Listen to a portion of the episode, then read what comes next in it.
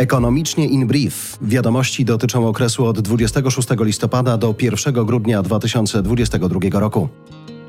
Inflacja w Polsce spadła w listopadzie do 17,4% z 17,9% miesiąc wcześniej, podaje GUS.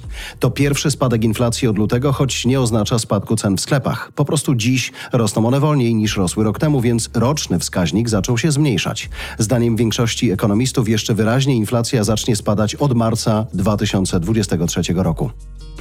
A w związku z tym, że takie są oczekiwania, to pojawiają się także kolejne, dotyczące obniżek stóp procentowych. Kontrakty terminowe na stopę WIBOR wskazują obecnie, że zdaniem rynku za rok ta często wykorzystywana w umowach kredytowych rynkowa stopa procentowa ma być już w okolicach 6%, czyli o 125 punktów bazowych niżej niż dziś. Inflacja spada także w strefie euro i w Stanach Zjednoczonych. W tym drugim przypadku to o tyle ważne, że napędza oczekiwania na przyhamowanie podwyżek stóp w USA, a to z kolei wpływa na osłabienie dolara. W tym tygodniu jego kurs u nas pierwszy raz od czerwca spadł poniżej poziomu 4,5 zł za dolara. Tańszy dolar powinien pomagać w obniżkach cen na stacjach benzynowych, zwłaszcza, że ropa na świecie też ostatnio potaniała. Ale ceny paliw spadają znacznie wolniej, ponieważ stacje benzynowe korzystają z okazji i podnoszą sobie marże detaliczne. Według najnowszych danych Polskiej Organizacji Przemysłu i Handlu Naftowego średnie marże w listopadzie, liczone jednak od początku roku, urosły od października z 8 do 10 groszy w przypadku benzyny 95 i z 0 do 3 groszy na litrze w przypadku diesla.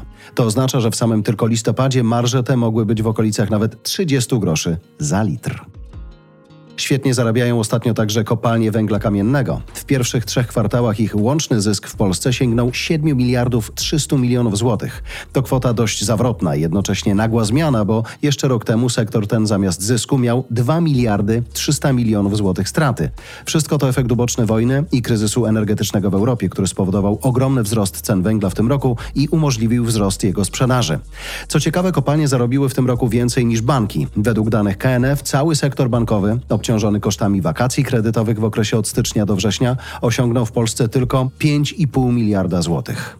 Zarówno banki, jak i kopalnie na głowę bije jednak PKN Orlen, którego zysk liczony od początku roku sięga już 19 miliardów złotych. Warto jednak pamiętać, że dziś Orlen już nie jest tak mały jak był kiedyś, w cudzysłowie mały oczywiście, bo przejął grupę Lotos. Poza tym to nie tylko jego stacje benzynowe i rafinerie, ale także handel energią, bo Orlen przejął też firmę Energa. Trwa piłkarski mundial. Polacy dalej w nim grają. Kiedy tego słuchacie, wierzę, że wciąż grają, ale okazuje się, że dla niektórych jest to pewien problem biznesowy. Dyrektor finansowy Allegro, John Eastick, przyznał w tym tygodniu, że po dobrych wynikach za październik w listopadzie tempo wzrostu sprzedaży w tym serwisie spadło dość znacząco. Jego zdaniem, obok wysokiej inflacji, to właśnie Mistrzostwa Świata w piłce nożnej mają taki wpływ na polskich konsumentów, że spędzają mniej czasu na zakupach. No, nie da się ukryć, że jeżeli ogląda się mecze na jednym ekranie, to trudno koncentrować się na innym ekranie, żeby robić jeszcze zakupy. I to nawet przy dobrych cenach.